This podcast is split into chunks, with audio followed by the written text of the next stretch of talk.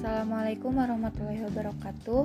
Saya Indi Zainan dari PKN 2020B Dibuatnya video ini untuk memenuhi tugas dari mata kuliah hukum Islam mengenai sumber hukum Islam. Dalam ajaran Islam terdapat sumber hukum pokok yang menjadi rujukan atau pedoman bagi umat Islam. Yang pertama ada Al-Quran merupakan pesan langsung dari Allah Subhanahu wa taala yang diturunkan lewat malaikat Jibril. Kemudian Jibril menyampaikan langsung kepada Nabi Muhammad SAW. Yang kedua, hadis merupakan pesan, nasihat, perilaku atau perkataan Rasulullah SAW yang akan dijadikan sebagai ketetapan hukum Islam.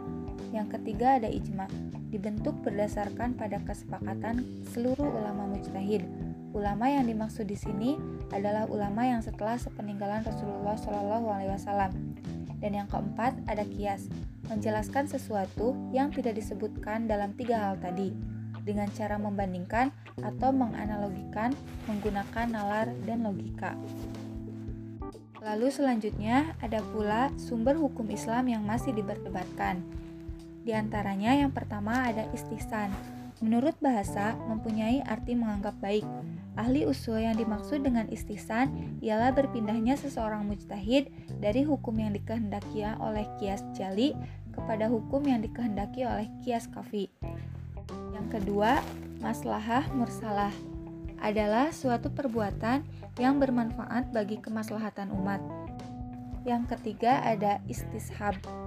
Menurut bahasa mempunyai arti selalu menemani atau selalu menyertai. Menurut istilah, Istishab adalah menjadikan hukum yang telah tetap pada masa lampau terus berlaku sampai sekarang karena tidak diketahui adanya dalil yang merubahnya.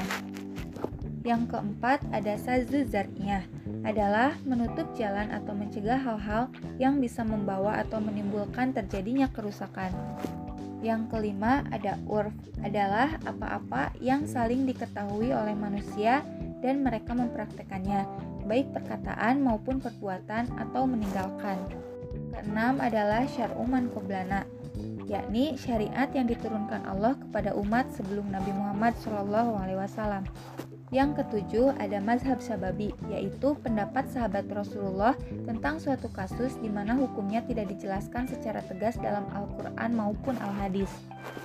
Dan yang terakhir adalah dalalatul iktiron, adalah dalil yang menunjukkan bahwa sesuatu itu sama hukumnya dengan sesuatu yang disebut bersama-sama. Sekian materi mengenai hukum Islam yang sudah pasti maupun yang masih diperdebatkan. Mohon maaf atas segala kekurangan. Wassalamualaikum warahmatullahi wabarakatuh.